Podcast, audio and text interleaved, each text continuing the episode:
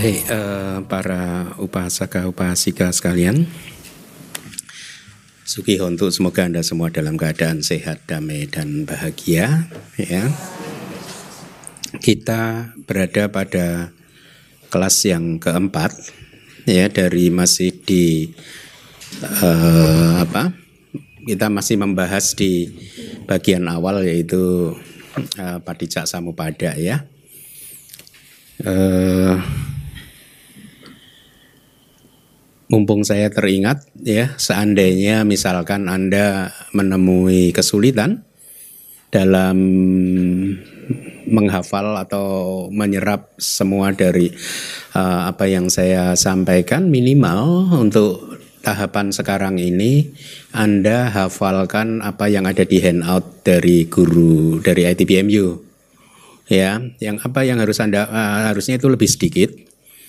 Uh, terutama para mata damanya. Ya, misalkan awija itu adalah cetasika moha, kemudian sangkara dibagi menjadi punya bisangkara dan seterusnya yang tidak lain adalah berapa 29 cetana dan seterusnya ya. Kemudian sangkara pacaya winyanang, sangkara bisa di sini juga sama masih tetap winyanangnya apa di sana di tabel-tabel itu. Jadi nah kalau itu mutlak tabel-tabel itu realitas-realitas hakiki yang dicantumkan di dalam tabel itu wajib harus dihafal. wajib ya itu syarat minimalnya supaya Anda nanti tetap bisa mengikuti penjelasan-penjelasan dari saya. E, banyak tambahan-tambahan tentu yang saya berikan sehingga eh, kalau memang terlalu banyak ya Anda bisa skip, nah, Anda fokus pada apa yang ada di handout tersebut ya. Nah, kita lanjutkan eh, pelajaran kita. Minggu lalu uh, ya kita harusnya mulai dari sini kan ya perasaan ya. Hah? Ya, Oke. Okay. Uh, di dalam diagram lingkaran perasaan masih berada pada um, irisan yang kedua ya, yaitu resultant, resultan kan, ya. Maka dengan demikian Anda akan mudah untuk mengingatnya. Ini adalah perasaan yang uh, muncul di kesadaran resultan nanti akan saya uraikan. Nah, uh, di handout dari guru saya harusnya ada halaman berapa?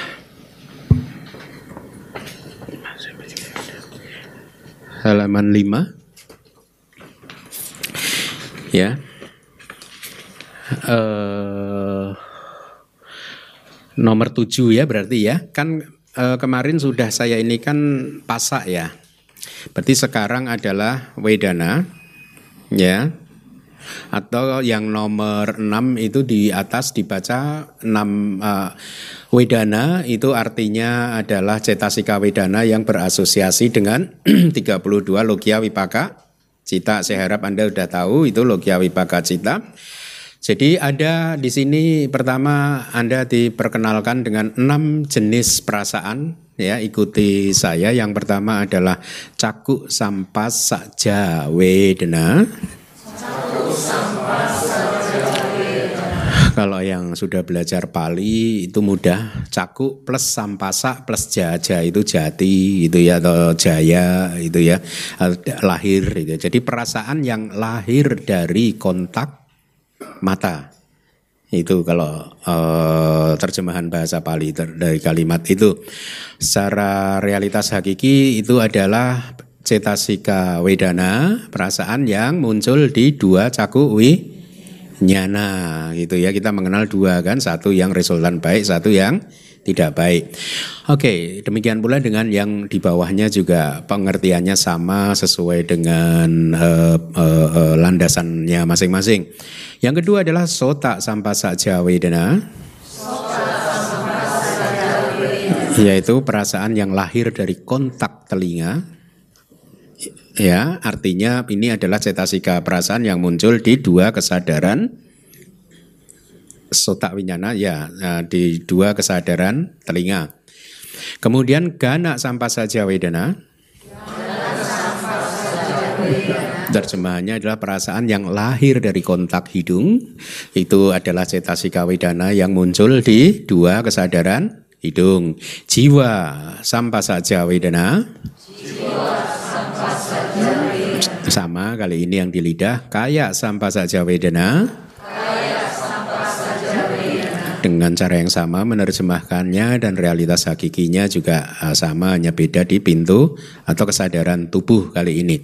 Nah, tapi mano sampai saja wedana apa? Mano sampai saja wedana adalah perasaan yang lahir dari kontak batin. Ya, di sini Anda harus ingat karena ini adalah resultan, selalu ingat 32 logia uh, wipaka cita dikurangi dwi pancawinyana yang di atasnya 10 kan.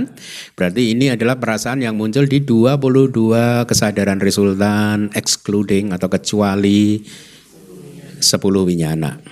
Ya, paham ya? Nah, eh uh, itu uh, mari kita kembali lagi dulu ke slide. Perasaan ada tiga jenis yaitu suka, duka dan ketenangan gitu. Saya nggak tahu kenapa uh, Wibawi ini menyebutnya malah UPK yang menurut saya agak kurang umum. Harusnya biasanya pasangan dari suka duka adalah a, duka mak suka gitu ya. Walaupun artinya sama. Ya, tapi biasanya teks mengatakan seperti itu. Uh, jadi ada tiga jenis perasaan ya perasaan tersebut ya eh, di kitab Wibangga menyatakan menjelaskan begini bahwa perasaan itu kan sesungguhnya adalah sahabat cita sadarana kan cetasika kan muncul di semua cita. Tapi dalam konteks ini apa nih pasak pacaya wedana ya perasaan yang dimaksud di sini hanyalah yang tadi dikatakan yaitu yang muncul di 32 kesadaran re sultan gitu ya. Nah, uh, uh, kemudian untuk link yang berikutnya yaitu Wedana Pacaya Tanha, Wedananya masih sama seperti yang tadi baru saja kita baca. Terus Tanha sekarang, ya jadi Wedana Pacaya Tanha. Uh, oleh karena perasaan sebagai kondisi maka tanha muncul tanha kita terjemahkan menjadi nafsu keha husan ya sebenarnya arti dari tanha itu berasal dari satu kata ininya itu adalah kehausan sebenarnya artinya ya dan kita sering kan memakai dalam bahasa Indonesia kalau seseorang ini haus jabatan, haus ini, haus itu, nah kira-kira begitu ya. Jadi ini ini uh, faktor mental yang yang membuat seseorang selalu merasa kehausan terhadap objek-objek atau apa pun itu juga yang menjadi objek kehausannya gitu. Ini adalah kebenaran mulia yang kedua, Anda ingat ya. nah, eh, tanha ini adalah kalau dari para mata damanya berarti apa? Cetasika, loba yang muncul di semua delapan loba mula cita gitu. Uh, kalau tadi Wedana dibedakan menjadi enam, Tanha pertama-tama juga dibedakan menjadi enam yaitu harusnya ada di di handout ya. Uh, ini rupa tanha ya yang halaman 5 yang di bawah. Ikuti saya rupa tanha. Ini mungkin karena bahasa Inggris kalau menurut saya terjemahannya harusnya bukan craving for forms artinya for. Eh, kalau yang sudah belajar Pali for itu datif. Seharusnya mungkin ini tidak datif. Ini adalah rupe tanha gitu kalau kalau diure. Rupe itu lokatif. Berarti ini adalah nafsu kehausan terhadap objek bentuk itu menerjemahkannya. Ya karena itu lokatif. Rupe tanha ya. Apa? Nafsu kehausan terhadap objek bentuk. Ganda tanha nafsu kehausan terhadap oh, ganda itu ya ganda gitu aja ya. Sadak tanhanya kelewatan. Sadak tanha nafsu kehausan terhadap suara. Terhadap ya. Uh, rasa tanha nafsu kehausan terhadap rasa. Ya. Putra tanha nafsu kehausan terhadap objek-objek sentuhan. Dhamma tanha, nafsu kehausan terhadap objek-objek mental. Nah, eh, itu tadi semua adalah para mata damanya apa? Cetasika, loba. Anda perhatikan berkaitan dengan dhamma tanha di bawahnya eh, kalimat terakhir adalah yang di, termasuk dalam kehausan terhadap objek-objek mental itu di sini adalah 81 jenis logia cita atau kesadaran duniawi mudah diingat karena kesadaran adi duniawi tidak termasuk di dalam uh, siklus uh, samsara ya. Jadi hanya logia cita saja itu. Patijak Samupada hanya mengajarkan kesadaran duniawi apa? Uh, para mata dhamma dalam tingkatan duniawi. Kemudian 52 tipe cetasika ya karena 52 ini berasosiasi dengan masing-masing dari 81 uh, jenis. Kemudian 5 pesada rupa, masih ingat Anda ya, 16 suku marupa dan konsep. Ini mirip dengan Dhamma Aramana harusnya ya. Dhamma Aramana ya. Dhamma Aramana objek-objek mental itu adalah cita cetasika, pesada, sukuma, nibana dan panyati itu. Ya toh?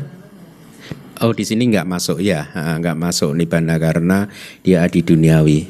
Ya, jadi hampir mirip, cuman dikurangi ya ininya ya. Nah, eh, itu tadi adalah tanha.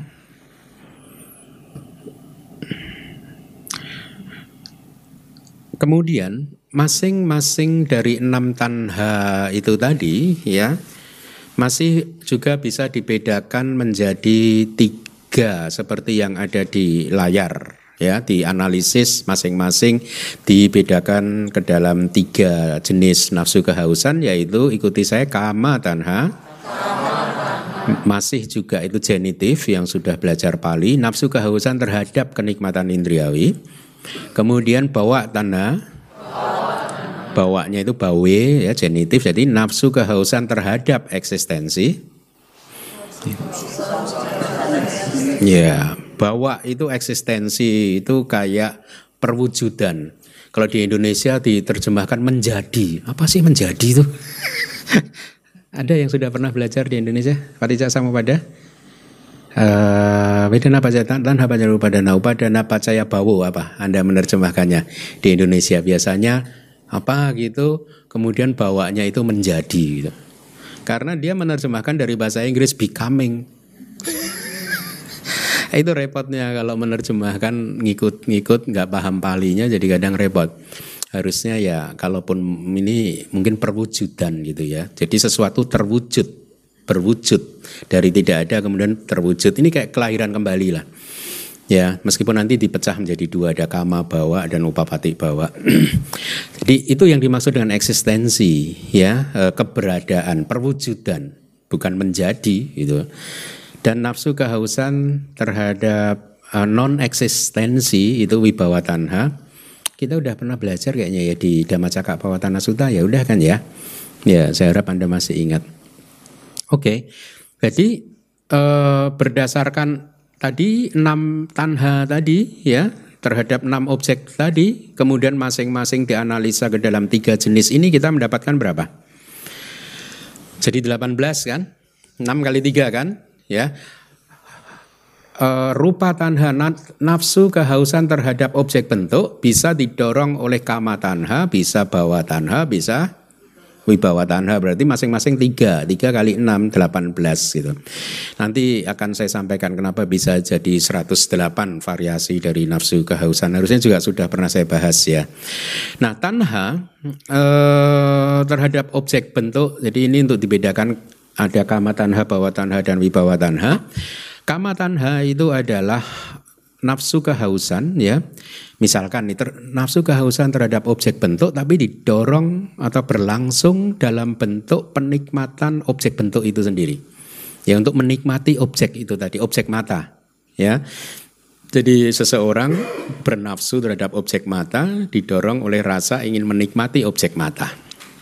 Objek mata itu bisa macam-macam, bisa anak Anda, mobil Anda, rumah Anda, suami, istri dan lain sebagainya kan.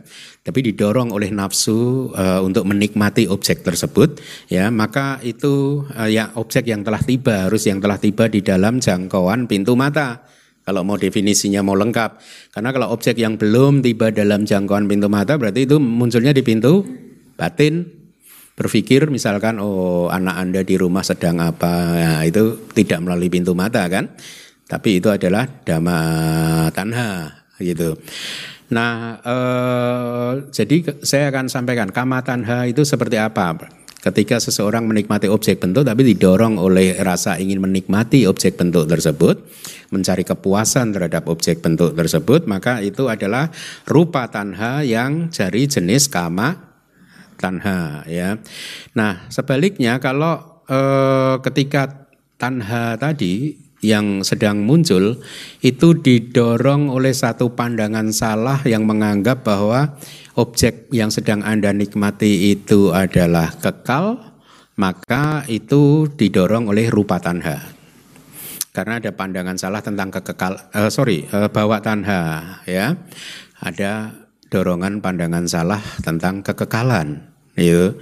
Sebaliknya kalau ketika menikmati objek bentuk tersebut ada pandangan salah bahwa ini pasti akan uh, apa uh, musnah selama-lamanya termasuk saya yang menikmati juga akan musnah selama-lamanya oleh karena itu mumpung masih ada mari kita nikmati sepuas-puasnya maka itu adalah tanha terhadap objek bentuk yang didorong atau muncul melalui wibawa tanha. Jadi begitu kira-kira. Demikian pula dengan objek-objek eh, suara, kemudian ganda, rasa dan lain sebagainya gitu. Nah, tadi sudah dihitung 6 tanha tadi ya dengan kelas diklasifikasikan masing-masing ke dalam tiga yaitu kama tanha, bawa tanha dan wibawa tanha berarti kita dapat berapa? 8 Mereka semua masing-masing juga ada yang internal, ada yang eksternal berarti berapa? Kalikan dua, 36. 36 ini ada yang eksis di masa lalu, eksis di masa depan, eksis di masa sekarang. 36 kali 3 berapa? Itulah 108 tanha. Bisa Anda dapatkan 108 tanha ya?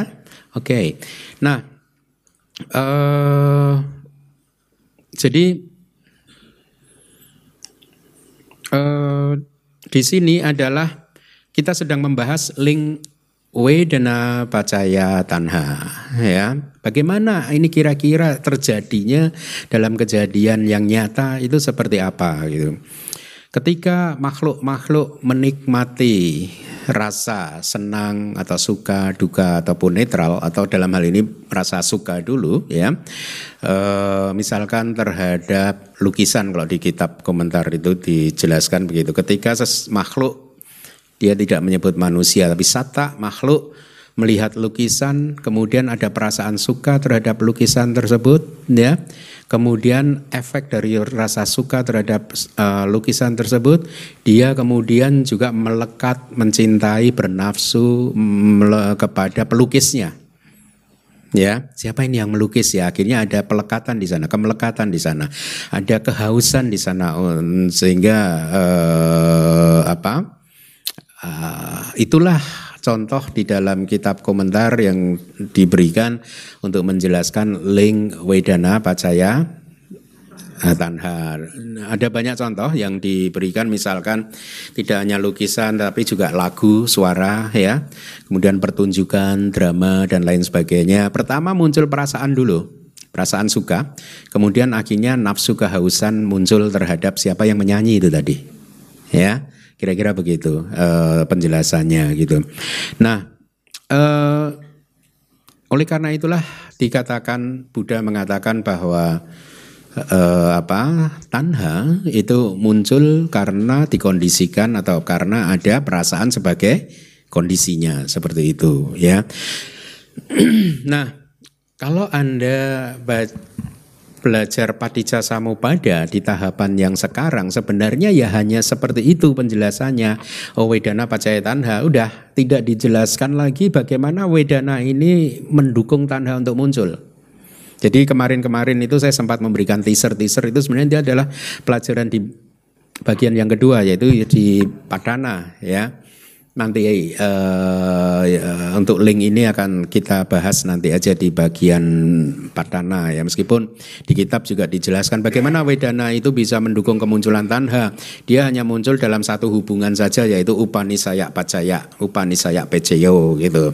Yaitu uh, hubungan pengkondisian Upanisaya, dukungan yang sangat kuat.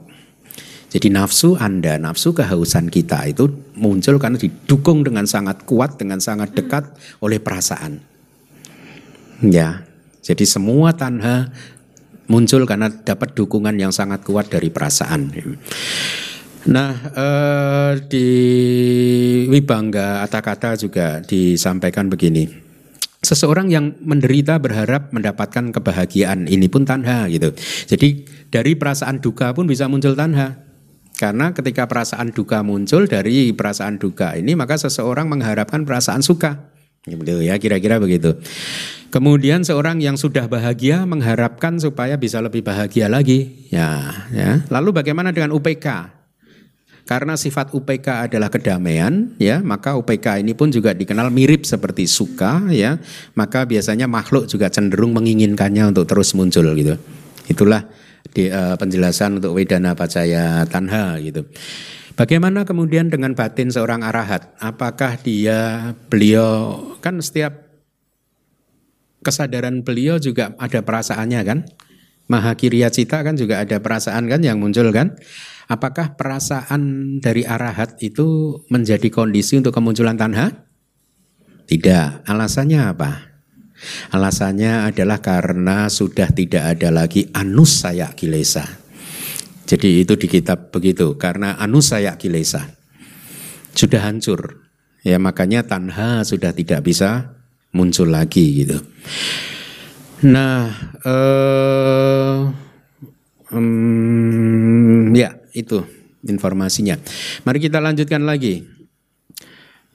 Dengan jalan pelekatan terhadap kenikmatan sensual dan lain-lain, saya rasa slide Anda kurang dan lain-lain, terdapat empat pelekatan upadana. Makanya pelajaran bab tujuh juga penting. Apa itu empat pelekatan? Kamu padana, ditu padana, sila batu padana, atakwa, du padana. Ada empat kan jenis upadana di bab ketujuh? Masih ingat? Ya, harap diingat-ingat. Jadi itulah upadana. Upadana ada berapa? Empat. Dan di sini nafsu kehausan yang lemah itu dinamakan tanha. Nafs atau pelekatan itu adalah nafsu kehausan yang kuat. Harusnya di slide ini, di slide guru saya nanti dibaca sendiri di rumah. Beliau memberikan perumpamaan yang lebih ya, ya mungkin. Ya, Anda baca nanti. Saya akan jelaskan dulu satu persatu. Apa itu kama jadi ada berapa upadana tadi? Empat. Kamu padana, apalagi? Didu padana, kemudian sila batu padana, kemudian atakwat du padana. Apa itu kamu padana? Jadi ini kita masuk ke link yang berikutnya ya, yaitu apa? Tanha pacaya upa danang gitu. Kamu padana melekat pada kenikmatan sensual ya Uh, di sini juga bisa melekati kepada objeknya. Tadi objek-objek bentuk suara dan lain-lain. Ya kalau kalau nafsunya masih masih lemah itu tanha. Kalau udah menjadi kuat itu upadana kan? Sama-sama cetasika loba sih ya. Jadi kamu upadana adalah melekati kenikmatan-kenikmatan sensual terhadap objek-objek panca indera gitu ya atau objek-objek mental gitu. Atau kamu cakso upadanan ca tipik kamu upadana artinya nafsu sensual dan itu adalah pelekatan ya pelekatan. Demikianlah itu kamu padana gitu Upadana itu terdiri dari kata depan upa plus adana. Upa itu kayak mencengkeram kuat gitu loh, kuat gitu. Erat gitu. Adana itu pengambilan atau pencengkeraman. Jadi upadana itu pencengkeraman secara kuat. Penggenggaman secara kuat. Upa itu artinya kayak kuat gitu. Itu mirip dengan upayasa yang di Indonesia juga diterjemahkan menjadi hmm, keputusasaan ya di dalam Patijak Samupada Soka Paridewa Duka Domana Supayasa Sambawanti itu di Indonesia diterjemahkan sebagai upayasa itu sebagai apa? Keputusasaan. Enggak ya karena upayasa itu terdiri juga mirip dengan upadana tadi. Upa upa plus ayasa A-nya panjang, ya A-nya panjang, A terakhir pendek. Upa ayasa. Ayasa itu kesedihan upak itu kuat, kesedihan yang sangat kuat. Makanya saya terjemahkan jadi kepedihan yang mendalam, mirip-mirip lah. Atau kesedihan yang mendalam. Bukan apa tadi keputusasaan, salah ya. Ya memang makanya harus paham Pali sih. Makanya ada kelas Pali. ya. Nah itu tadi adalah kamu padana. Sekarang ditu padana. Jadi ini adalah pelekatan terhadap pandangan yaitu pandangan salah itu sendiri yang itu juga eh, yang dilekati yang menjadi atau bahkan juga bisa menjadi objek pelekatan gitu. Karena pandangan salah yang pertama akan menjadi objek untuk pandangan salah yang kedua gitu. Sehingga makin kuat makin kuat makin kuat gitu yaitu pandangan salah yang muncul demikian misalkan salah satunya diri dan dunia ini adalah kekal abadi ya kemudian pandangan salah uh, ya setelah seseorang mencengkram dengan pandangan salah tersebut akhirnya pandangan salah ini menjadi makin kuat makin kuat sehingga makin sulit untuk dilepas gitu. Yang ketiga adalah sila batu padana yaitu pelekatan terhadap ritus dan ritual. Artinya uh, ritus dan ritual itu juga adalah pelekatan atau melekati juga ritus dan ritual sama juga jadi banyak makna gitu. Di kitab diberikan contoh secara spesifik yang termasuk sila batak paramasa atau ritus dan ritual ini adalah seseorang mempunyai pandangan salah dengan meyakini ketika kayak di suta nanti di kelas hari minggu juga satu uh, semester ini akan saya sampaikan yaitu pertapa yang melatih seumur hidupnya berperilaku seperti anjing dan seperti sapi dua pertapa gitu. Jadi praktek pertapaan menyerupai meniru seekor anjing dan juga praktek pertapaan meniru kehidupan sapi karena kedua pertapa ini percaya itulah jalan untuk kesucian. Nah itu yang dimaksud sila batu padana. Artinya mereka percaya ada ritus tertentu, ritual tertentu yang bisa menjadi jalan kesucian itu membuat seseorang menjadi suci. Itu arti dari sila bata paramasa. Di sini sila batu padana melekat terhadap hal-hal tersebut. Ya, mencengkeram terhadap hal-hal tersebut. Yang terakhir adalah atak wadu padana yaitu pelekatan terhadap teori atau ajaran tentang diri dan atau roh ya. Disebabkan olehnya maka orang-orang melekati konsep diri atau roh yang sesungguhnya hanyalah teori belaka, tidak ada kenyataannya gitu. Bahkan di kitab komentar disebutkan begitu. Kan itu hanya teori aja, nggak ada kenyataannya gitu. Atau nafsu kehausan masih tanha lagi ya. Oh, ini contoh untuk membedakan tanha dan upadana. Di handout guru saya harusnya juga ada. Jadi tanha adalah hasrat terhadap objek yang belum didapat. Seperti perentangan tangan para pencuri di kegelapan. Ada pencuri ingin mencuri ya, bendanya belum didapat ketika tangannya merentang itu perumpamaan untuk tanha, ya. Kemudian upadana itu adalah seperti cengkeraman objek yang telah didapatkan oleh tang, uh, tangan para pencuri. Jadi ketika pencuri ingin mengambil ini, ini belum kesampaian, masih direntangkan tangannya, inilah tanha. Begitu sudah dipegang, inilah upadana. Nah, nah eh, udah biasanya kalau sudah dipegang udah sulit makin sulit dilepaskan. Sesungguhnya begitu tanha muncul udah uh, udah nggak ada harapan, pasti sampai ke upadana. Ya, yang ada harapan keluar itu dari wedana muncul dimunculkan kebijaksanaan. Kalau wedana kemudian memunculkan tanha, maka roda samsara berputar. Roda patijak samupada berputar. Nah itu perbedaan antara tanha dan upadana.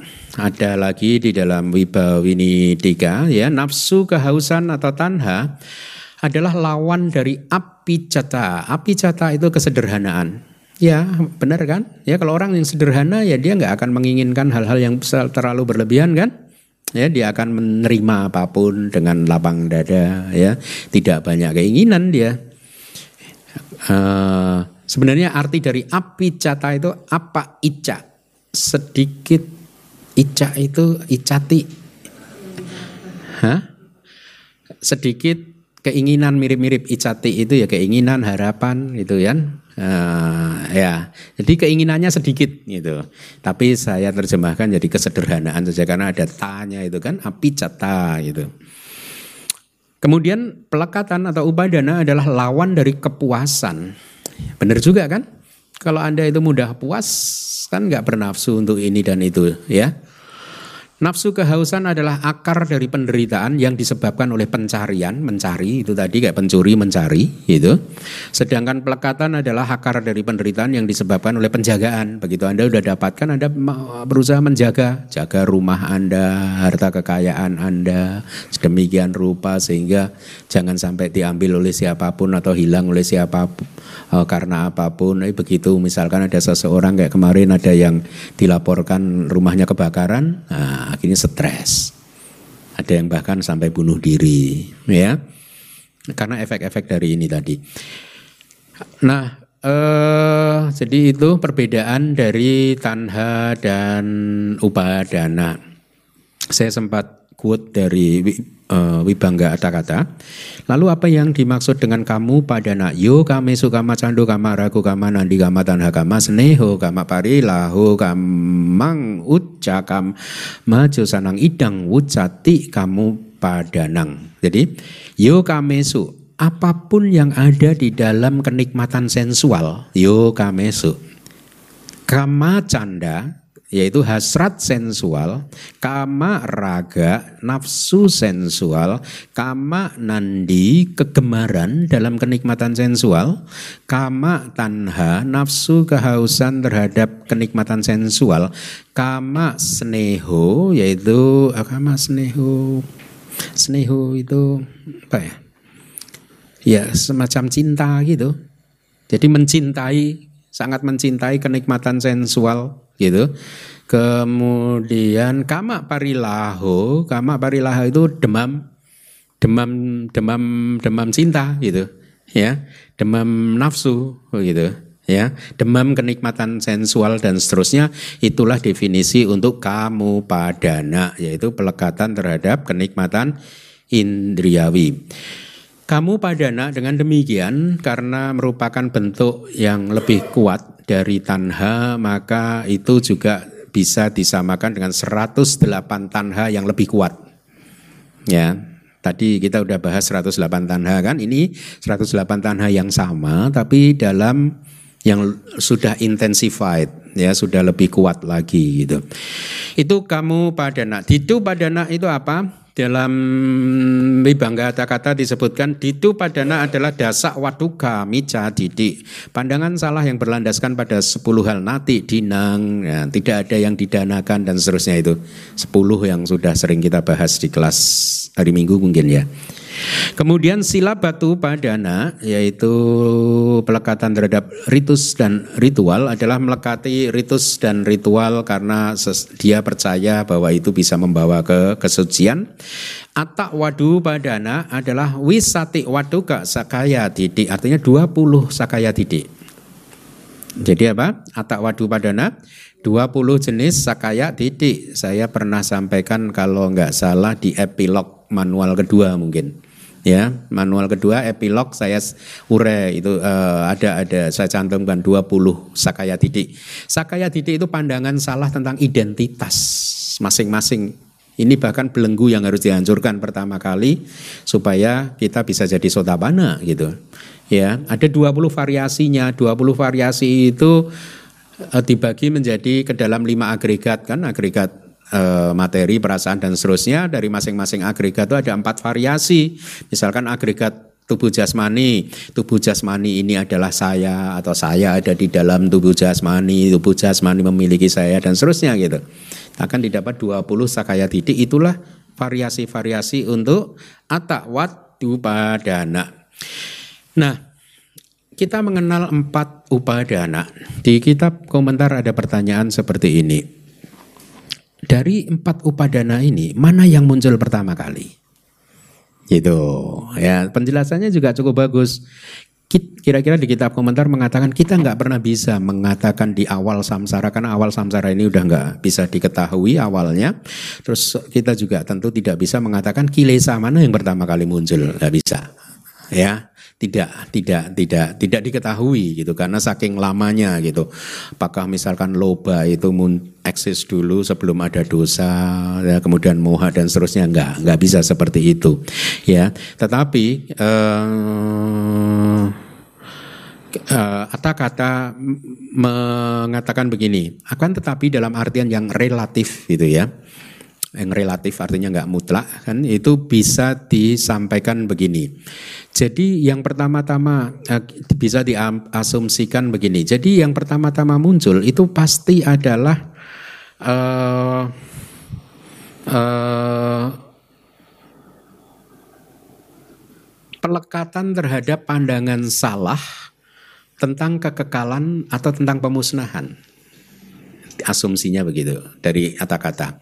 Jadi ini yang bisa jadi kemungkinan kalau mau ditanyakan urut-urutannya di dalam satu kehidupan ini biasanya gitu dijelaskan seseorang melekati terhadap pandangan salah tentang adanya kekekalan satu atau pemusnahan itu ya yang dua-duanya ini selalu muncul atau didahului karena ada cengkeraman pandangan salah tentang adanya roh atau diri.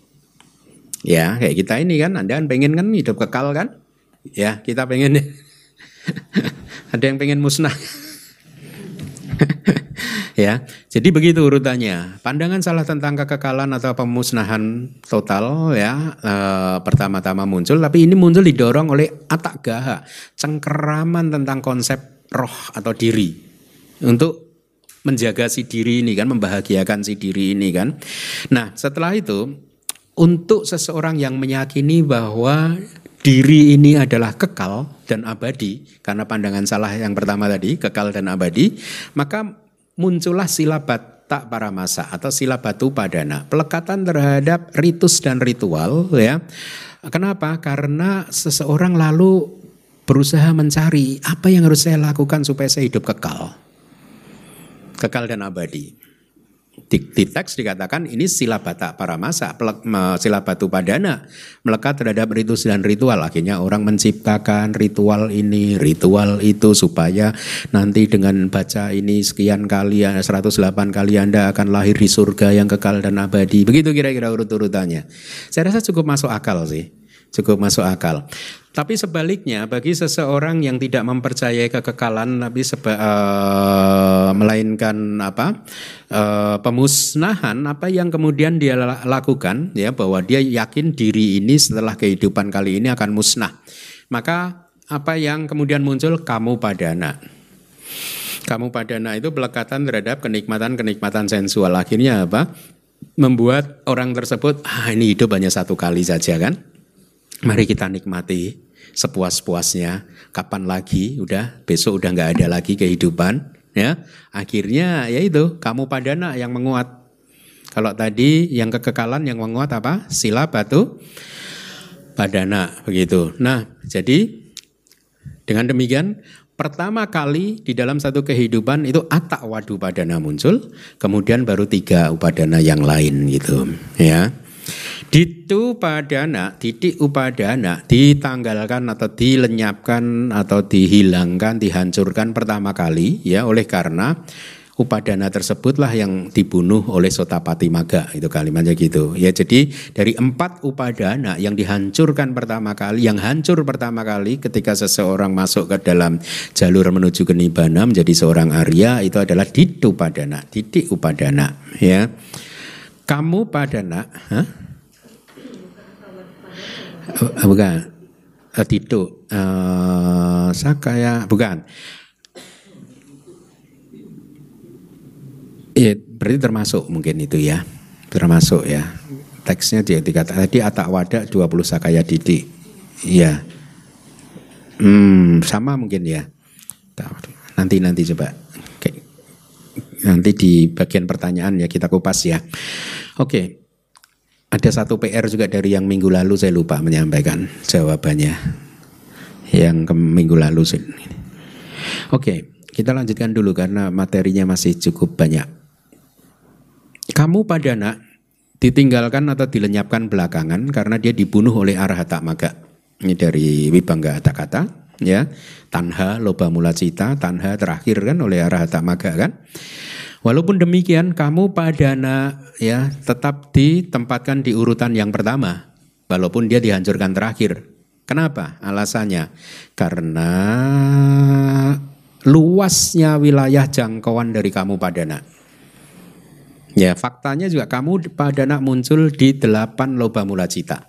Sedangkan yang lain hanya muncul di empat loba mula cita. Gitu, ya. Uh, dan juga kamu pada nak paling mudah untuk dirasakan karena biasanya orang-orang mudah terperangkap dalam rasa cinta terhadap objek pelekatan dia dan seterusnya. Itu. Setelah kamu padana adalah ditu padana, karena biasanya untuk mendapatkan kenikmatan-kenikmatan sensual yang dilekati melalui kamu padana oleh kamu padana tadi, seseorang banyak melakukan apa? Jadi setelah uh, apa tadi? Setelah kamu padana, maka kemudian kenapa ditempatkan setelah kamu padana adalah titu padana. Kamu padana tadi dijelaskan, kemudian urutan kedua titu padana karena katanya penjelasannya setelah seseorang melekati kenikmatan sensual, akhirnya karena dia mencari kepuasan sensual, maka dia menyelenggarakan pesta ya pertunjukan ini, pertunjukan itu, drama ini, drama itu kalau di masa lalu gitu. Yang ini semua muncul karena didorong oleh pandangan salah gitu. Kemudian uh, baru setelah itu terpecah menjadi dua yaitu sila batu padana dan atak wadu padana. Walau demikian, walaupun demikian sila batu padana ditempatkan sebelum atak wadu padana karena sila batu padana, sila batu padana itu sifatnya lebih kasar dibanding atak wadu padana. Atak wadu itu sangat halus, atak wadu padana, ya. Jadi pelekatan terhadap ritus dan ritual itu lebih kasar ya. Dan juga dikatakan mudah lebih mudah terlihat ya. Misalkan ketika seseorang berlatih mempraktekkan pertapaan seperti seekor anjing dan seekor sapi tadi. Jadi mudah terlihat gitu Kemudian atak wadu padana diajarkan atau ditempatkan terakhir karena kelembutannya, sifatnya yang sangat halus, sangat lembut, sulit untuk dilihat. Kita kemudian masuk ke link yang berikutnya yaitu apa? Upadana pacaya, upadana pacaya bawo ya. Di sini kita mengenal ada dua jenis bawa eksistensi atau kalau mau men, meng, ini nggak mau eksistensi jangan menjadi ya. Tapi apa? Perwujudan. Itu masih masih masih sesuai dengan maknanya. Tadinya nggak ada tiba-tiba muncul perwujudannya ini gitu. Ya. Ada dua jenis bawa atau eksistensi yaitu kama bawa ikuti saya. Kama bawa yang kedua upapati bawa. Kama bawa itu eksistensi sebagai kama ya kama nama lain dari kama atau anda boleh sebut kama gitu aja ya jadi ini bersifat aktif dan upapati bahwa ini eksistensi sebagai resultan, ya artinya ini adalah resultan, ya pati sandi, kemunculan pati sandi dan juga eh, sampai nanti meninggal dunia begitu. Dia bersifat lebih pasif, bisa juga diterjemahkan upak pati itu kelahiran kembali. Atau upak pati itu kemunculan atau perwujudan itu tadi. Ya, kalau kama bawa bukan perwujudan, tapi upapati bawa adalah perwujudan. Ya, sehubungan dengan hal tersebut, eksistensi yang pertama adalah kira-kira gini, berasal darinya maka buah atau efek eksis. Artinya eksistensi yang pertama itu kama bawa kan, berarti berasal dari kama bawa maka buah kama atau efek dari kama eksis muncul. Ya, jenis ini kama bawa itu ada 29 yaitu kehendak di kesadaran baik dan kesadaran tidak baik ya yang duniawi ya karena yang adi duniawi tidak termasuk ya. Nah, eh, kenapa saya suka menerjemahkan bawa sebagai eksistensi? Karena definisi dari bawa itu bawa titik bawa ya. Bawati, bawati, bawati kalau bahasa Inggris itu it exists. Ya, maka disebut bawa. Ya, makanya eksistensi. Saya lebih suka ini. daripada perwujudan. Ya. Demikianlah itu eksistensi, ya. Apa itu kama bawa? Kama mewa bawo. Berarti kama bawa itu ya kama itu sendiri. Itu artinya begitu. Ya, kama itu sendirilah sebagai yang disebut atau sebagai eksistensi. Ya, jadi kama bawa adalah kama. Lalu apa upapati bawa? Upapati yewa bawo, upapati bawo. Kelahiran kembali itu sendiri adalah eksistensi yang disebut upapati bawo. Jadi kelahiran kembali. Ya, upapati bawo itu kelahiran kembali. Eta ca upapati bawa titik bau dan di sini kelahiran kembali eksis. Demikianlah eksistensi. Ya, benar. Ya. Jadi yang manakah yang disebut kama bawa? 29 cetana kusala yang duniawi dan aku salah. Oke. Nah, Anda curiga nggak? Di link pertama kita sudah mempelajari sangkara. Sangkara kan juga sama kan? 29 cetana kan? Sama ya? Yang dibedakan menjadi punya abisangkara, punya abisangkara dan anenja abisangkara. Ya. Jadi, kalau Anda lihat link yang lingkaran coba. lingkaran itu. Kemudian di lingkaran paling tengah saya nggak punya nggak apa-apa. Kayaknya saya hafal. Lingkaran yang tengah itu ada awija dan sangkara kan? Oh, Awija dan Tanha ya? Awija dan Tanha ya? Ya mana? Bu dokter pinjam.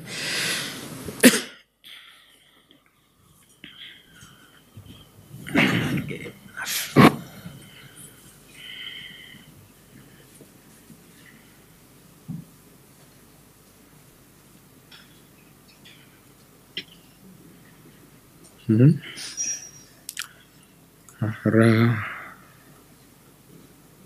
Oh, ya. Anda lihat Awija Sangkara bukan yang yang ada merahnya di di uh, bagian nomor satu, yang dilingkari merah. Sangkaranya dilingkari merah kan? Itu kan ada tali coklat ke bawah kan? Kemudian masuk ke lingkaran kalau ini kan itu mengikat kama bawa. Oke? Okay? Itu itu sebenarnya hanya menunjukkan bahwa sangkara dan kama bawa ini sama.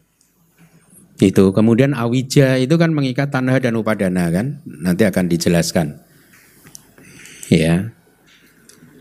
Oke, untuk sekarang berarti Anda tahu kesangkara dan kama bawa itu adalah sama, merujuk pada realitas hakiki yang sama ya. Jadi di link awal dan juga link yang ini itu sama ya.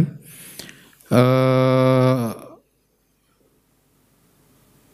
lalu mengapa diulangi lagi kalau itu sama gitu. Hmm?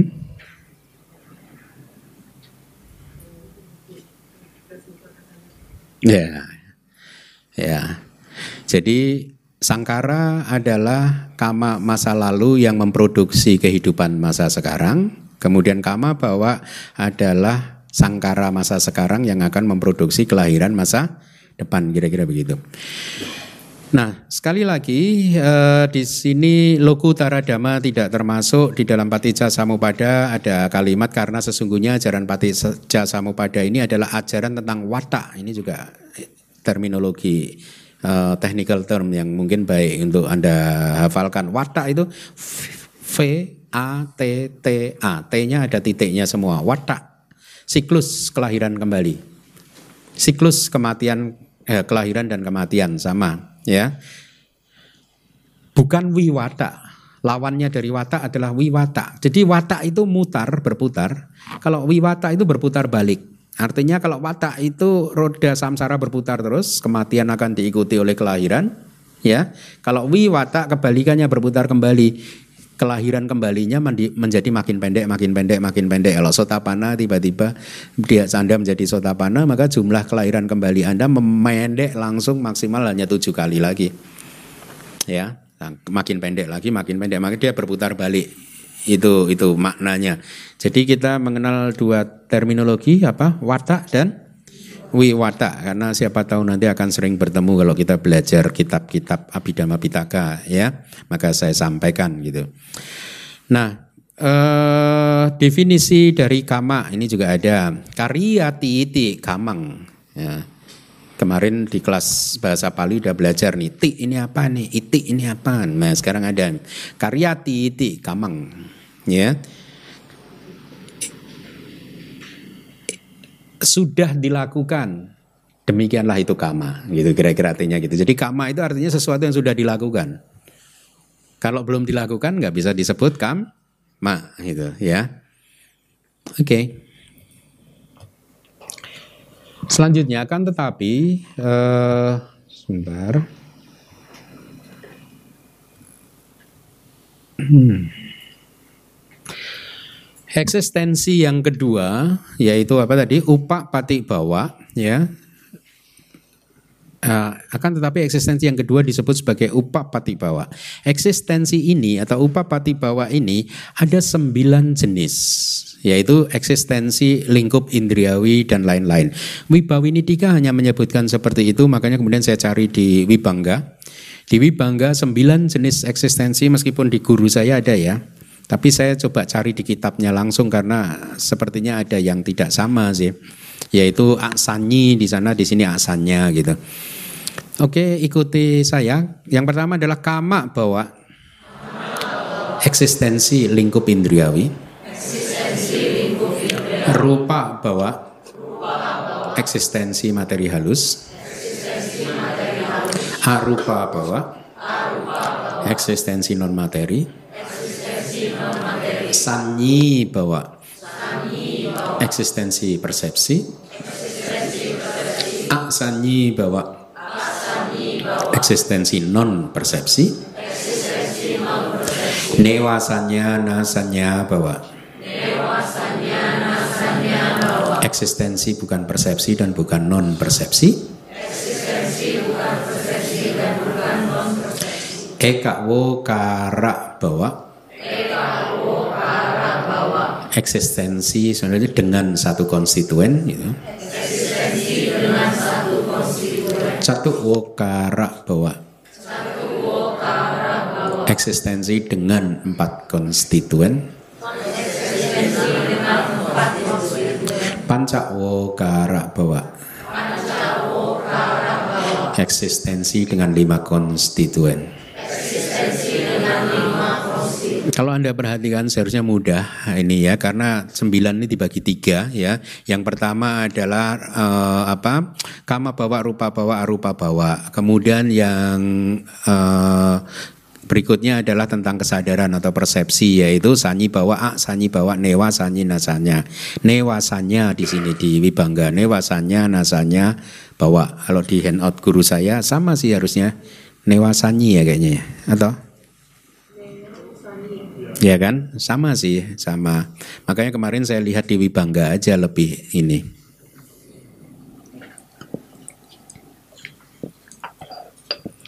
Kemudian tiga yang terakhir adalah makhluk berdasarkan agregat. Yaitu apa? Eka wokara bawa, catuk wokara bawa, pancak wokara bawa. Jadi itu mempermudah Anda untuk menghafal. Sembilan bawa atau sembilan eksistensi. Nah di di di kitab saya kemarin lihat di Winaya Winaya Pitaka itu memberikan definisi yang lengkap kira-kira saya sampaikan begini terjemahannya. Winaya Tika kitab sub komentar dari Winaya Pitaka malah. Itu enaknya kalau Anda paham Pali ya yang saya ajarkan di hari Minggu dengan modal komputer itu. Nanti Anda bisa search itu ketemu di mana-mana aja gitu. Itu saya ketemunya di Winaya Tika uh, di kitab sub komentar dari Winaya Pitaka gitu. Meskipun di Wibangga ada tapi tidak selengkap di Winaya Pitaka malah. Oke, okay. uh, eh, jadi di, begini. Kama sangkato bawo kama bawo. Jadi eksistensi yang disebut sebagai eksistensi lingkup indriawi, eh, eksistensi eksistensi lingkup indriawi adalah eksistensi yang termasuk di dalam kama bumi gitu ya. Ya. E, jadi ada 11 kama wacara bumi. Ya, jadi kama bahwa ada 11 kama wacara bumi. Saya tidak perlu menjelaskan ya 11 itu apa ya. Rupa bahwa adalah eksistensi yang disebut sebagai lingkup materi halus di sini adalah 16 rupa wacara bumi. Saya harap Anda masih hafal pelajaran bab 5. Ar 16 bukan 15. Arupa bawah adalah empat arupa bumi. Ya. Kemudian sanyi bawah adalah eksistensi yang dinamakan memiliki persepsi. Di sini eksistensi dari persepsi itu sendiri adalah sanyi bawah. Jadi ini adalah dari dari kitab itu ini adalah jadi ini adalah eksistensi yang memiliki persepsi, kehidupan yang memiliki persepsi ya memiliki kesadaran sebenarnya. Jadi diuraikan di dalam kitab sub komentar dari Winaya Pitaka ini adalah eksistensi lingkup indriawi sudah pasti kan punya kesadaran kan eksistensi materi halus kecuali eksistensi tanpa batin ya kemudian eksistensi non materi kecuali eksistensi bukan persepsi dan bukan non persepsi jadi di, di excluded exclude yang newasanya nasanya bumi. Yang tertinggi di exclude, tidak termasuk dalam sanyi bawa. Oke. Okay? Uh, eh, jadi saya ulangi lagi, yang termasuk dalam sanyi bawa artinya eksistensi yang memiliki persepsi atau kelahiran kehidupan yang ada kesadarannya, ada cita-cita sikanya, itu adalah eksistensi di bumi lingkup indriawi materi halus kecuali asanya sata, kemudian non materi kecuali newasanya nasanya yatana bumi. Ya. Kemudian eh, apa? Aksanyi ya. Aksanyi bawo itu artinya nak sanyi bawo. Itu kitabnya mengatakan begitu. Artinya apa? eksistensi yang tidak mem, yang tidak di, memiliki persepsi itu nak sanyi bau yaitu eksistensi yang tidak memiliki persepsi gitu. A sanyi itu harusnya tanpa persepsi. Kalau nak sanyi tidak mempunyai persepsi, mirip kan? Nak sanyi dan a sanyi gitu. So rupa bawe kadeso artinya apa? Itu eksistensi tersebut ya eksistensi yang eh, dengan non persepsi aksanya itu adalah eksistensi yang tidak memiliki persepsi atau tidak memiliki batin itu adalah sebagian dari eksistensi materi halus. Eka eka deso, eka desa itu satu bagian. Ya, satu bagian dari eksistensi di Brahma materi halus. Satu bagian yang mana? Aksanya sata. Ya, yaitu aksanya sata bum mi begitu ya. Kemudian olari kata bahwa tu newasanya artinya newasanya bukan persepsi karena olari kata bahwa tu oleh karena tiadanya persepsi yang kasar disebut sebagai bukan persepsi oleh karena tidak ada persepsi yang kasar, yang ada berarti persepsi yang halus kan. Sukuma tasak saba watuna asanyati newasanya nasanya gitu. Bukan pula bukan persepsi karena kehadiran dari persepsi yang sangat halus. Ini pelajaran bab satu harusnya ya. Jadi disebut bukan persepsi dan bukan non persepsi karena itu tadi ya. Dikatakan ini bukan persepsi karena sebenarnya masih ada persepsi tapi hanya saja yang kasar sudah nggak ada. Tapi disebut bukan persepsi juga nggak bisa karena faktanya masih ada persepsi yang sangat halus gitu ya. Bab pertama itu di buku manual satu juga harusnya ada. Demikianlah itu yang disebut bukan persepsi dan bukan pula non persepsi. Eksistensi yang terkait dengan itu adalah yang disebut sebagai newasanya, nasanya, bawa atau dengan kata lain ini adalah newasanya, nasanya bu mi. Ekena rupa kandena wokino bawo.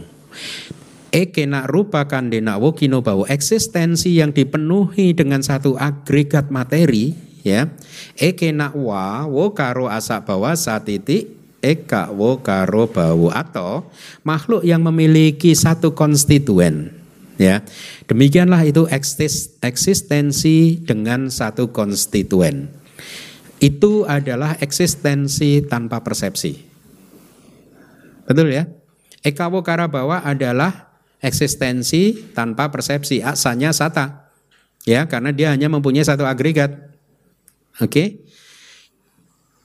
kemudian catuhi arupa kandehi wokino bawo. Artinya eksistensi yang dipenuhi dengan empat agregat arupa non materi catuhi wa wo karo asa bawa sate atau makhluk yang memiliki empat konstituen demikianlah itu catu wokara bawo demikianlah eksistensi empat konstituen itu tidak lain adalah eksistensi non materi. Artinya kelahiran sebagai arupa Brahma karena dia hanya mempunyai empat agregat. Ya. Yang terakhir pancakanda, pancahi kandehi wokino bawo, eksistensi yang dipenuhi dengan lima agregat. Pancahi wa karo asak bawasati atau makhluk yang memiliki lima konstituen. Pancawo karo bawo, pancawo karak bawo. Demikianlah itu eksistensi lima konstituen. So kama bawo, cak rupa bawe ka deso cak hoti. Itu adalah eksistensi lingkup indriawi dan satu bagian dari eksistensi materi halus. Paham nggak? Kenapa disebut satu bagian dari eksistensi materi halus? Kecuali yang asalnya sata disebutnya meskipun banyak buminya tetap aja itu satu bagian gitu. Tidak secara keseluruhan. Ada dua bagian di dalam arupa bumi itu ada dua bagian yaitu satu bagian adalah eh, makhluk tanpa batin, satu bagian adalah makhluk dengan lima agregat. Gitu ya. Makanya eh, Pancawokara bawa itu adalah eksistensi di lingkup indriawi dan satu bagian dari rupa wacara bawa eksistensi materi halus. Artinya dari 16 bumi kecuali asalnya sata, berarti 15. Ya. Nah, anda sudah mendengar kata wokara berkali-kali eh, di kitab Winayatika juga ada definisinya wokaro tiwa. Jadi konstituen wokara adalah kandana metamadi wacanang adalah julukan untuk agregat-agregat. Jadi wokara itu adalah julukan untuk agregat-agregat. Oleh karena itu, satu konstituen tasema eko wokaro asa bawasatiti eka wokara bawode. Satu konstituen adalah untuk eksistensi yang memiliki satu agregat. Demikian pula dengan uh, agregat yang lain hendaknya artinya dipahami seperti itu. Ya paham ya? Jadi itulah sebelas macam eksistensi ya yang disebut sebagai upapati bawa bukan kama bawa ya. Nah eh, kembali lagi. Kita sekarang bahas kama bawa jadi kama bawa bisa dibedakan menjadi tiga api sang kara yang tidak lain adalah cetana dan ini sama dengan sangkara ya. Uh, sehubungan dengan ya saya harap Anda bisa ya kama bawa kama bawa ada berapa cetana lalu? 29 yang punya abisangkara berapa? Hmm? 8 mahakusala dan 5 rupa wacara kusala 13. Apunya mudah ya. 12 saja. Nah, jangan lupa 12 yang lingkup in Riawi itu harus selalu diingat-ingat. Bagus, saya hanya pengen pastikan itu. ya. Nah, mari kita lanjutkan. Sehubungan dengan sembilan jenis eksistensi yang ada di slide itu ya. Yang disebut kama bahwa ya eksistensi lingkup indriawi adalah lima agregat yang digenggam oleh kama. Artinya hasil dari kama lima agregat tersebut ya. Demikian juga rupa bawah ya. Rupa bawah yang satu bagian juga lima agregat oke okay? ya. Kemudian arupa bawah adalah empat agregat. Sanya bawah adalah berapa tadi? Sanya bawah. Eksistensi yang memiliki persepsi. Ah bagus. Empat agregat atau lima agregat ya. Jadi ada empat, ada lima, ya. Bingung ya anda ya. Sekali saya kalau menjelasin nanti nggak ada waktu nih, habis nih waktu. Asalnya bahwa adalah satu agregat yang merupakan hasil dari kama yaitu di asalnya bawa asalnya sata bumi. Newasanya nasanya bawa berapa agregat? Empat agregat. Ya, oke, okay, bagus.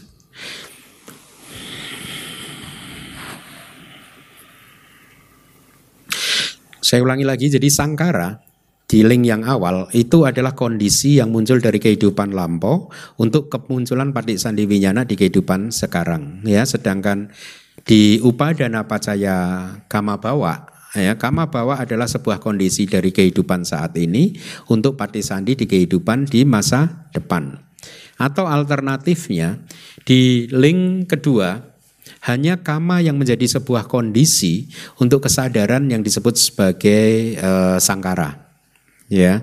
Jadi sangkara di situ hanya uh, kama, akan tetapi di link yang ini yaitu apa tadi? Upadana pacaya bawa ya. Tidak hanya yang menjadi kondisi untuk kesadaran, melainkan juga untuk kelahiran di asanya sata bumi. Nah ini bedanya. Kalau di awija pacaya sangkara, sangkara di sana hanyalah restricted dibatasi kondisi yang bisa memunculkan winyana. Tapi di upadana pacaya bawa ya tidak hanya winyana bisa memunculkan asanya sata makhluk tanpa batin juga yang tidak mempunyai batin. Paham? Itu bedanya. Perbedaan-perbedaannya ya. Paham ya?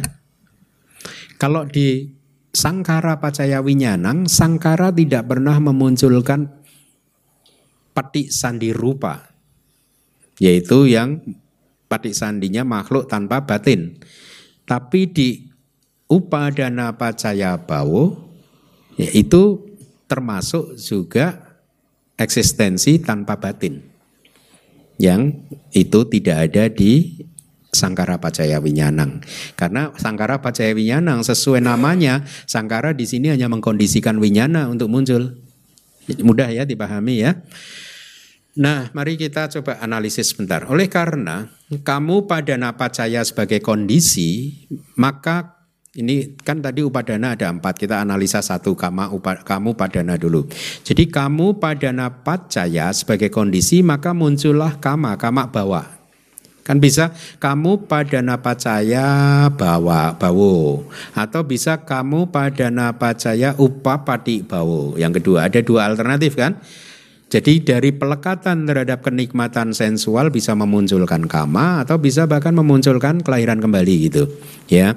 Nah, oleh karena uh, ketika kamu pada napacaya ini menjadi kondisi untuk kemunculan kama, maka kama tersebut yang dilakukan dan menghasilkan kelahiran kem, dan ketika kama tersebut menghasilkan kelahiran kembali, maka dia akan menghasilkan kelahiran kembali di eksistensi lingkup indriawi, ya. Jadi itu kamu pada napacaya kama bawa. Nah, bayangkan setelah eksistensi di lingkup indriawi itu muncul, maka agregat-agregat yang diproduksi melalui kama itu tadi itu yang disebut upapati bawa. Jadi konteks hubungannya begitu. Kamu pada napacaya bawa, kama bawa dulu. Karena pelekatan terhadap kenikmatan sensual akhirnya seseorang melakukan kama-kama tertentu.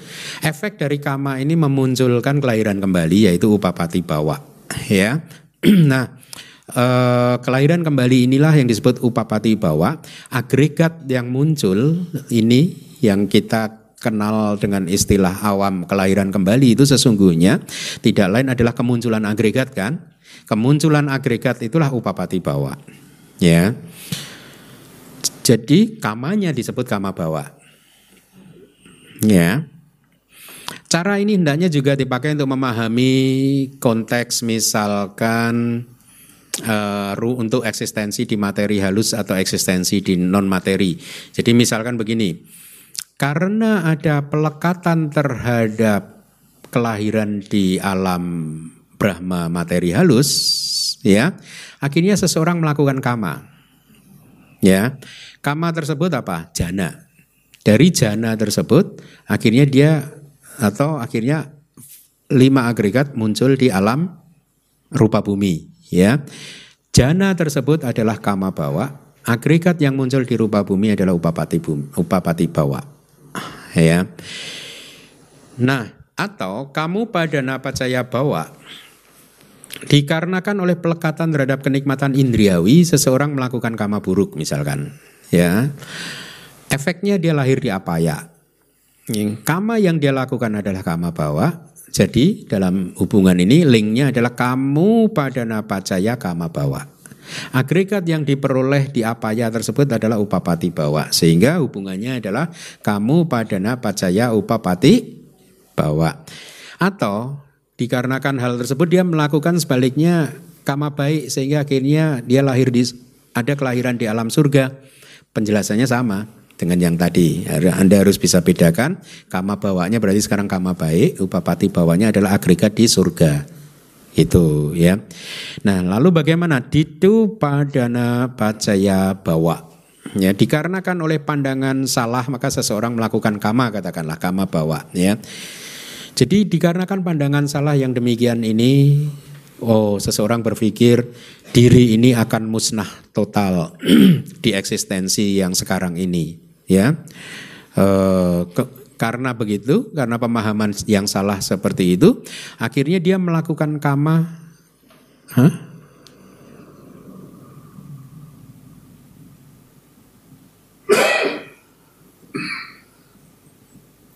Hmm?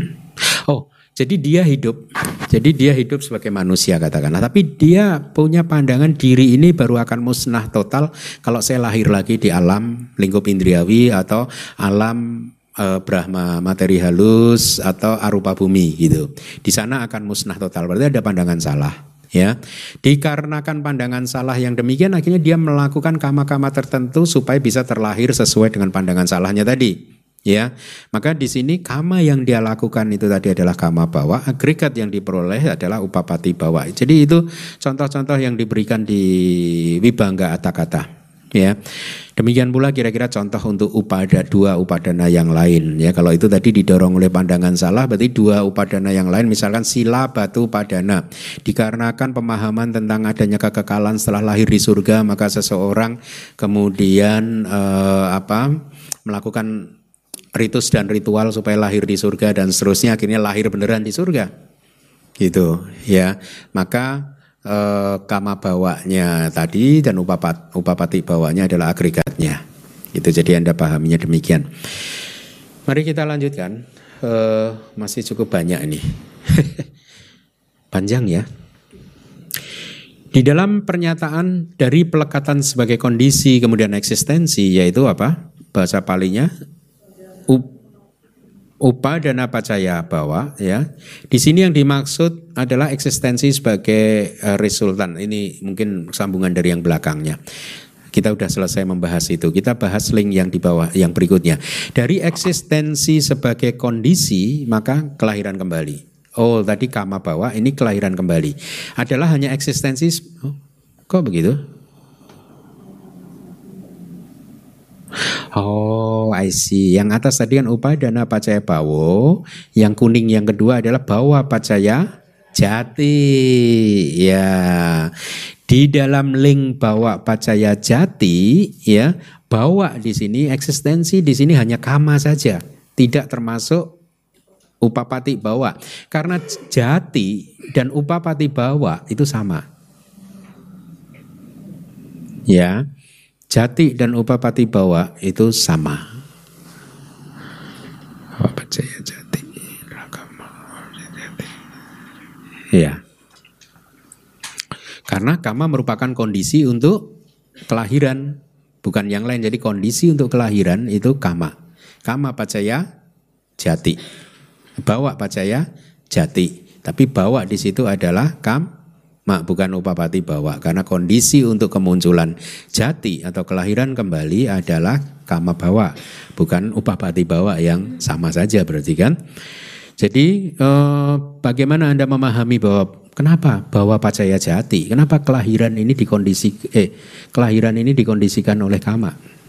Ya contohnya kalau di kitab Wib, uh, Wibangga Kata-Kata diberikan contoh ya kita lihat sekeliling kita ini lahirnya beda-beda kan Ya ini karena kelahiran yang beda-beda ini diciptakan oleh kama dari masa lampau. Begitu contohnya makanya kita berbeda-beda. Itu dari kitab bukan dari saya. Oleh karena eksistensi sebagai resultan secara alamiah adalah agregat yang telah dihasilkan kembali untuk pertama kali di satu kehidupan, ya, yaitu tidak lain adalah kelahiran itu sendiri. Ini bercerita tentang upapati bawa dan jati adalah sama, ya. Jati atau kelahiran adalah perolehan atak bawa. Nah, Anda secara resmi sekarang bertemu dengan terminologi ini atak bawa Dulu-dulu Anda bertemu tapi nggak resmi.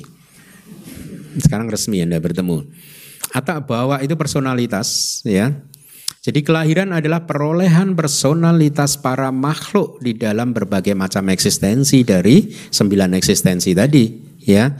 Sementara usia tua adalah keadaan tua dari personalitas yang telah lahir tadi dalam cara yang lahir dalam cara yang seperti itu artinya lahir di dalam eksistensi-eksistensi salah satu dari sembilan eksistensi. Kematian adalah akhir dari personalitas yang terbatas hanya pada satu eksistensi. Paham ya? Ya. Kesedihan soka bahasa palinya. Anda kan ini kan jati jara merenang soka paridewa duka domana supaya sasambawanti. Soka Kesedihan adalah kesedihan di hati seseorang yang tertimpa musibah kehilangan saudara dan lain-lain. Jadi ini adalah definisi supaya Anda paham apa sih yang disebut soka, apa sih yang disebut paridewa, apa sih yang disebut duka, doma, nasa, upayasa. Itu apa? Di handout guru saya juga ada lebih bagus lagi, nanti Anda bisa baca ya. Saya rasa kita nggak punya waktu. Ratap tangis adalah kata-kata ratapan dia. Kalau dulu kita di Myanmar ratap tangis ini kita harus diminta bisa menunjuk realitas hakiki dari ratap tangis ini apa. Itu.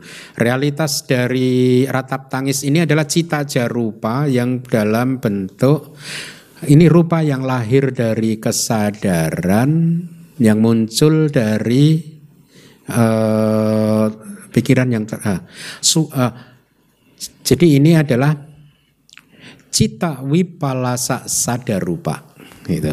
Cita oh, harusnya ada di handout karena kita belajar dulu di Myanmar. Hmm? Cita ja wipalasa ada di handout. Ada di yang saya bagikan itu. Halaman berapa? Tujuh. Ya Anda bisa baca itu. Wipalasa itu terdistorsi. Cita ja itu lahir dari cita, sada itu suara, e, rupa adalah rupa. Berarti apa? Suara yang terdistorsi gitu. Tapi yang lahir dari kesadaran. Oke. Okay. Itu itu itu realitas hakikinya. Kemudian duka adalah perasaan duka jasmaniah. Nah, Anda paham kan? Soka dewa duka doma nasa upayasa. Duka di sini adalah apa? Duka wedana. Ya. Duka cita adalah doma nasa wedana. Beda ya. Yang satu duka adalah duka wedana, duka cita adalah doma nasa wedana. Perasaan duka batinia. Ya. Nah, ini duka doma nasa upayasa, kepedihan yang mendalam adalah kesedihan yang sangat dalam yang ditingkatkan oleh rasa duka di hati yang berlebihan dari seseorang yang tertimpa musibah kehilangan saudara dan lain-lain. Cocok nggak kalau diterjemahkan upayasa menjadi apa? Keputusasaan. Hmm? Nggak cocok kan? Karena memang terjemahan di kitab komentarnya diberi contoh upa plus ayasa. Upa itu intensified, kuat sekali, ayasa itu kesedihan. Jadi kesedihan yang sangat kuat sekali. Di sini saya pakai kepedihan, bisa juga kesedihan ya. Jadi kesedihan yang mendalam atau kepedihan yang mendalam ya. Oke. Okay. Nah, jadi sekarang kita sampai di link jati pacaya jara. Kan tadi bahwa pacaya jati, jati pacaya jara. Oleh karena ada kelahiran sebagai kondisi, maka usia tua. Ya toh? Mudah untuk dipahami ya, karena apabila Anda nggak lahir Anda nggak akan jadi tua. Ya, tua dan nggak mati juga kan. Atau juga tidak akan ada soka paridewa duka domanasa upayasa. Begitu ya, jadi mudah. Jadi pertama, karena ada kelahiran jati pacaya ya, maka ada dua poin nih sekarang bercabang nih. Ya, Anda harus benar-benar tahu ini. Poin pertama adalah jati pacaya jara maranang. Stop. Tidak diteruskan soka paridewa duka domanasa upayasa. Kenapa? Karena ini efek yang sudah pasti. Pasti akan terjadi dan dialami oleh siapa pun, oleh makhluk mana pun yang sudah mengambil kelahiran. Nggak bisa dihindari. Kemudian jati pacaya soka paridewa duka domanasa upayasa. Ini adalah opsional. Tidak semua makhluk harus mengalami ini. Paham? Karena arahat nggak akan mengalami ini. Kita kadang juga nggak mengalami. Ya tidak. Kita bisa menghindari soka paridewa kan? Hmm? Bisa kan? Jadi makanya dikatakan opsional. Jadi di dalam link yang terakhir bercabang jadi dua. Jati pacaya jara maranang. Oleh karena kelahiran sebagai kondisi maka usia tua dan kematian muncul. Cabang yang kedua adalah jati pacaya soka paridewa duka domanasa upayasa. Sambawanti. Ya, oleh karena kelahiran sebagai kondisi, maka soka paridewa duka domanasa upayasa sambawanti. Tapi itu opsional. Tidak harus muncul. Paham ya? Kalau yang jara maranang pasti muncul. Ketika ada jati, pasti ada jara maranang. Tapi ketika ada jati, belum tentu ada soka paridewa duka domanasa upayasa. Itu kira-kira ya. Ya, jadi kita sudah sampai di akhir dari kelas kita. Terima kasih.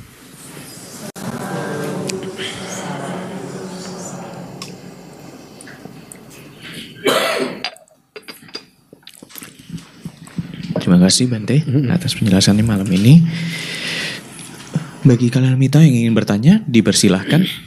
Mungkin kita bahas pertanyaan yang minggu lalu ya. Minggu lalu iya. apa sih pertanyaannya? Oh, kenapa eh, nama rupa hanya terjadi di Padik Sandi. Eh? Ya. Abija Bayi Sangkara, Sangkara Bayi Winyana baca nama rupa. Oh ya. Jadi siapa? Rudi ya. Eh, saudara Rudi dari Lampung kan minggu lalu bertanya, ya Kenapa di slide nomor tiga kalau saya nggak salah ingat itu ada yang saya garis bawahi bahwa nama rupa hanya terjadi di Padik Sandi, momen Padik Sandi gitu. Ya, sebenarnya itu mudah gitu. Tapi ya gitu itu saya pernah berkat mengatakan kepada sebagian dari Anda.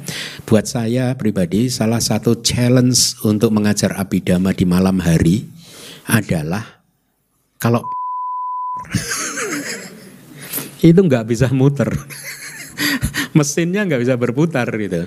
Itu challenge. Makanya waktu ada usulan kelas pali diadakan di hari Sabtu bisa mau nggak Bante? Boleh asal abidama dulu. Waktu itu syarat saya begitu. Abidama dulu sore hari, kemudian pali malam. Kenapa? Karena pali lebih mudah buat saya. Artinya tidak kalau pas lagi otaknya nggak mau berputar, nggak terlalu terganggu nggak terlalu mengganggu gitu. Karena saya hafal. Dulu waktu sering talk show juga begitu pernah talk show tiba-tiba gitu. Tiba-tiba nya muncul. Aduh kadang gitu. Jadi nggak bisa muter. Kadang itu itu itu tantangan saya itu mau makan malam kok.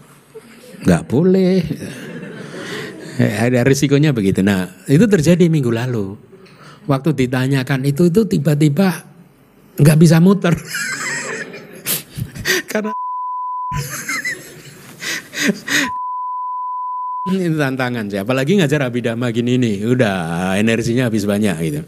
Saya sering beberapa kali lah selama di sepanjang karir saya sebagai penceramah gitu ya sering beberapa kali mengalami itu nah pertanyaannya saya ulangin lagi. Di dalam lingwinyana pacaya nama rupang ya karena kondi uh, karena kesadaran sebagai kondisi maka nama rupa muncul batin dan jasmani muncul. Kesadaran di sini berarti adalah 32 wipaka cita logia wipaka cita Dan juga ini harusnya kesadaran di sini ini adalah abisangkara dari kehidupan lampau ya. 32 logia wipaka cita adalah kesadaran wipaka yang muncul di kehidupan saat ini. Kalau abisangkaranya itu bukan wipaka tapi kama dari kehidupan lampau.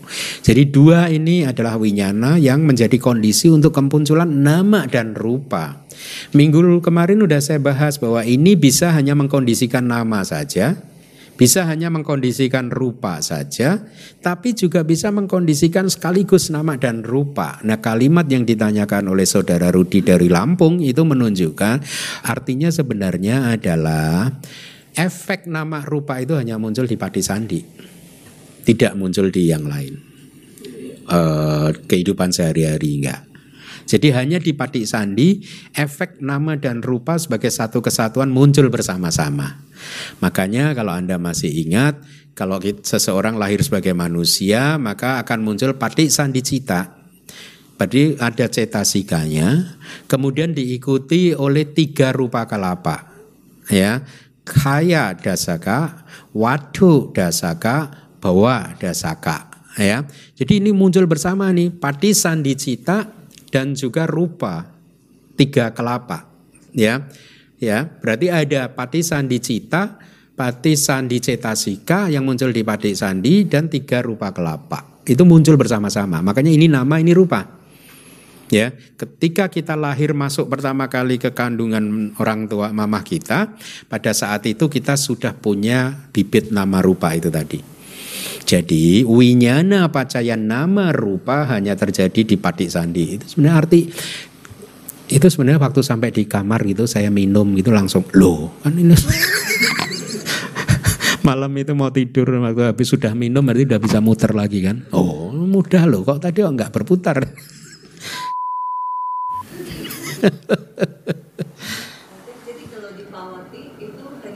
satu-satu mm -mm. ya, misalkan misalkan winyana pacaya, winyana kan 32 logia wipaka cita. Dia hanya mengkondisikan kemunculan cetasikanya.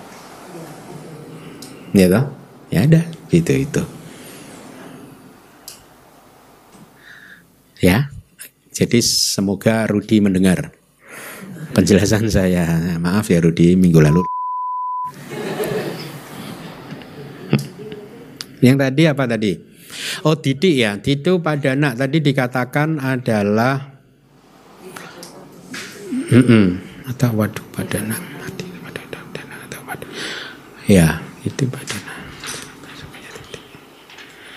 Oh karena di hmm. Ya memang tadi di dalam tadi dari Winaya Pitaka atau dari sebentar. Ini Winaya atau apa ya?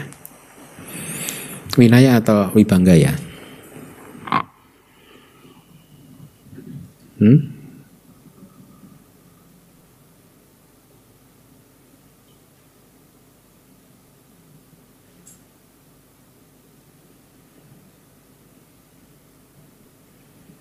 Oke, okay, anyway. Jadi tadi kan dikatakan bahwa Didu Padana dihancurkan pertama kali ya. Saya akan lacak lagi sih sebenarnya. Jangan-jangan saya yang miss juga. Tadi di slide berapa?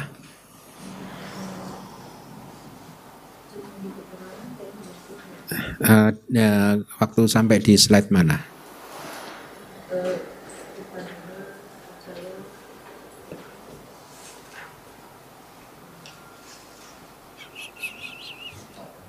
Upadana.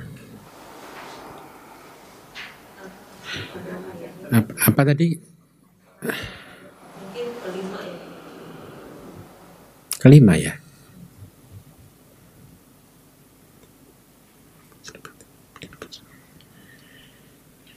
Ya, kalau ketahuan sumbernya saya akan telacak. Ya, sambil mungkin kalau ini saya nanti saya cari kan tadi kan disebutkan bahwa itu padana dihancurkan pertama kali oleh Sotapati Maga kan. Padahal yang dihancurkan oleh Sotapati Maga adalah Sakaya Tidi ya. Jadi Sakaya Tidi masuk di Titu Padana kalau dari tadi apa penjelasan saya tadi. Sebenarnya bukan dari saya sih makanya saya akan lacak lagi ini benar atau tidak. Tapi tadi juga dijelaskan bahwa Sakaya Tidi itu variasi dari Atak Wadu Padana.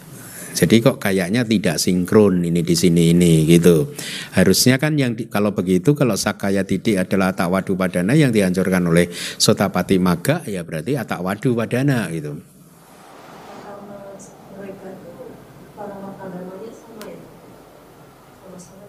Sama-sama didik, tapi kan tetap saja ya harusnya sakaya didiknya kalau mau begitu ya supaya konsisten masukkan ke didu padana gitu supaya konsisten.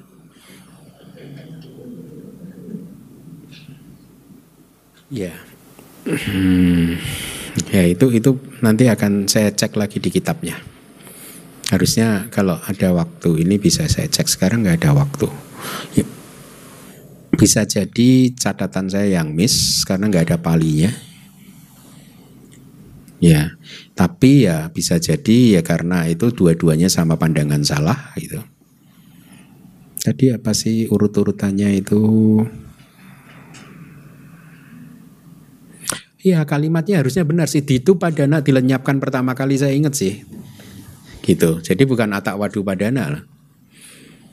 Mungkin atak wadu padana lebih luas sekali. Nanti dilacak lagi ya. Oke. Okay. Oke. Ada yang ingin bertanya?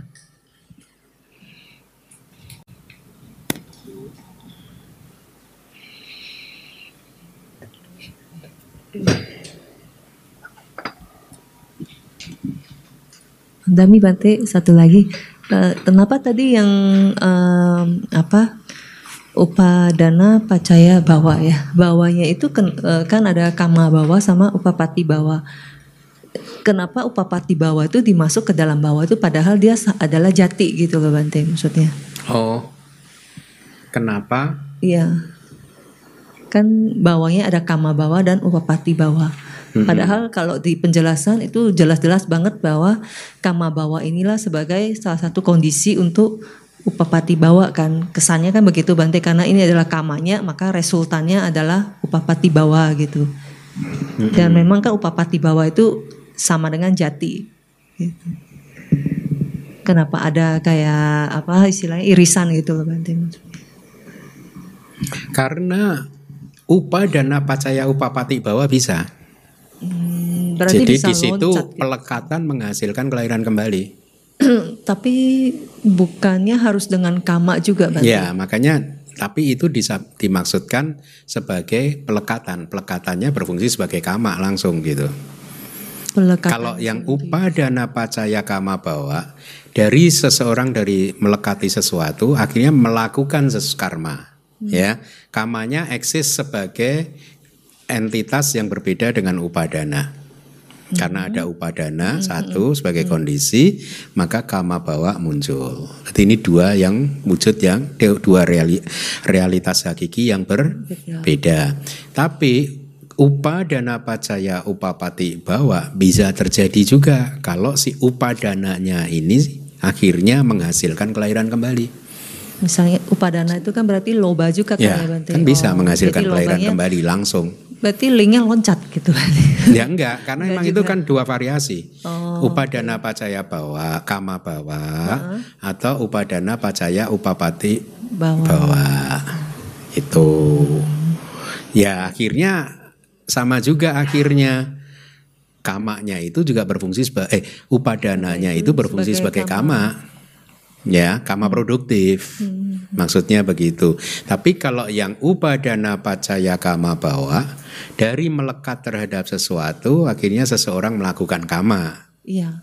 jadi pelekatannya tidak muncul Langsung. sebagai kama produktif hmm. tapi karena melekat dia melakukan kama baru setelah itu jati hmm. kama bawa pacaya jati itu nah kalau yang upadana pacaya upapati bawa itu upadananya sendiri menghasilkan kelahiran kembali. Oh, ya. Baik, makasih Bante. Ya, sama-sama. Di sini muncul nggak ya di sini ya? Apa tadi? Upadana pacaya. Ini udah mulai mau lemot nih.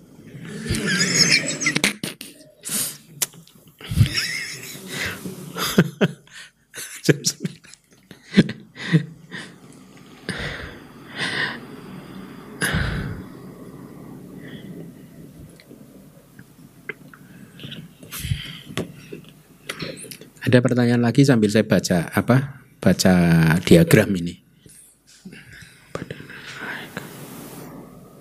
Ada lagi pertanyaan?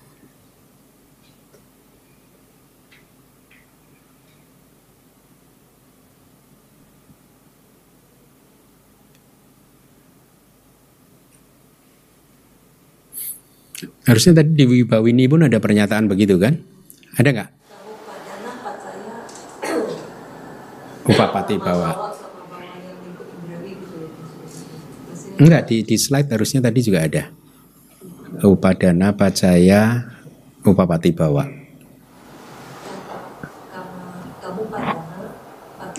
Ah, di slide coba cari slide. Cari slide. Oh kalimat eh, slide nomor 78.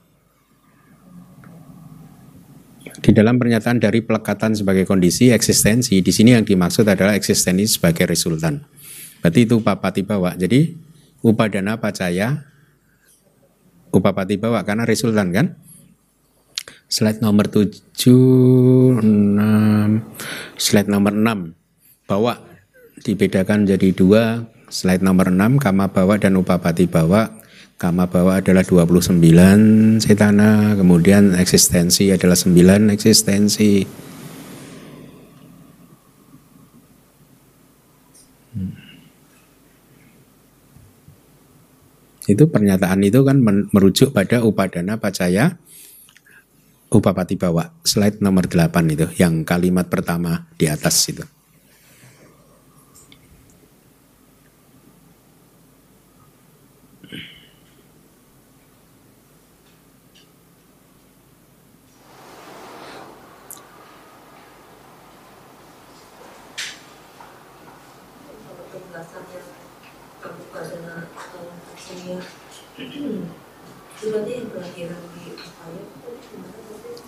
Apa tadi?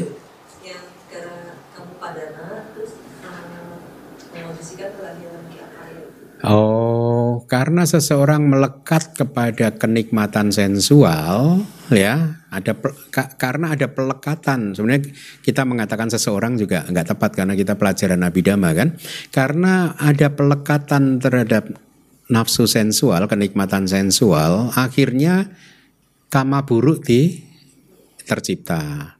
Yaitu misalkan nih maaf nih seseorang kalau dalam panyatinya uh, konvensionalnya seseorang jadi pejabat kemudian korupsi, ya toh? mencuri kan? Berarti karena dia apa? Ada pelekatan terhadap wah motivasi untuk mencuri adalah supaya eh, untuk meng, melakukan kama pencurian itu tadi adalah untuk supaya bisa menikmati kenikmatan-kenikmatan indriawi. Gitu. Jadi karena ada pelekatan terhadap kenikmatan sensual, akhirnya kama buruk muncul. Ya. Dan kama buruk ini berbuah menjadi memunculkan agregat di salah satu dari empat apa ya? Itu. Jadi yang pertama tadi adalah kamu pada napacaya kama bawa. Ya. Terus agregat yang muncul ini adalah upapati bawa. Upapati bawa di apa ya?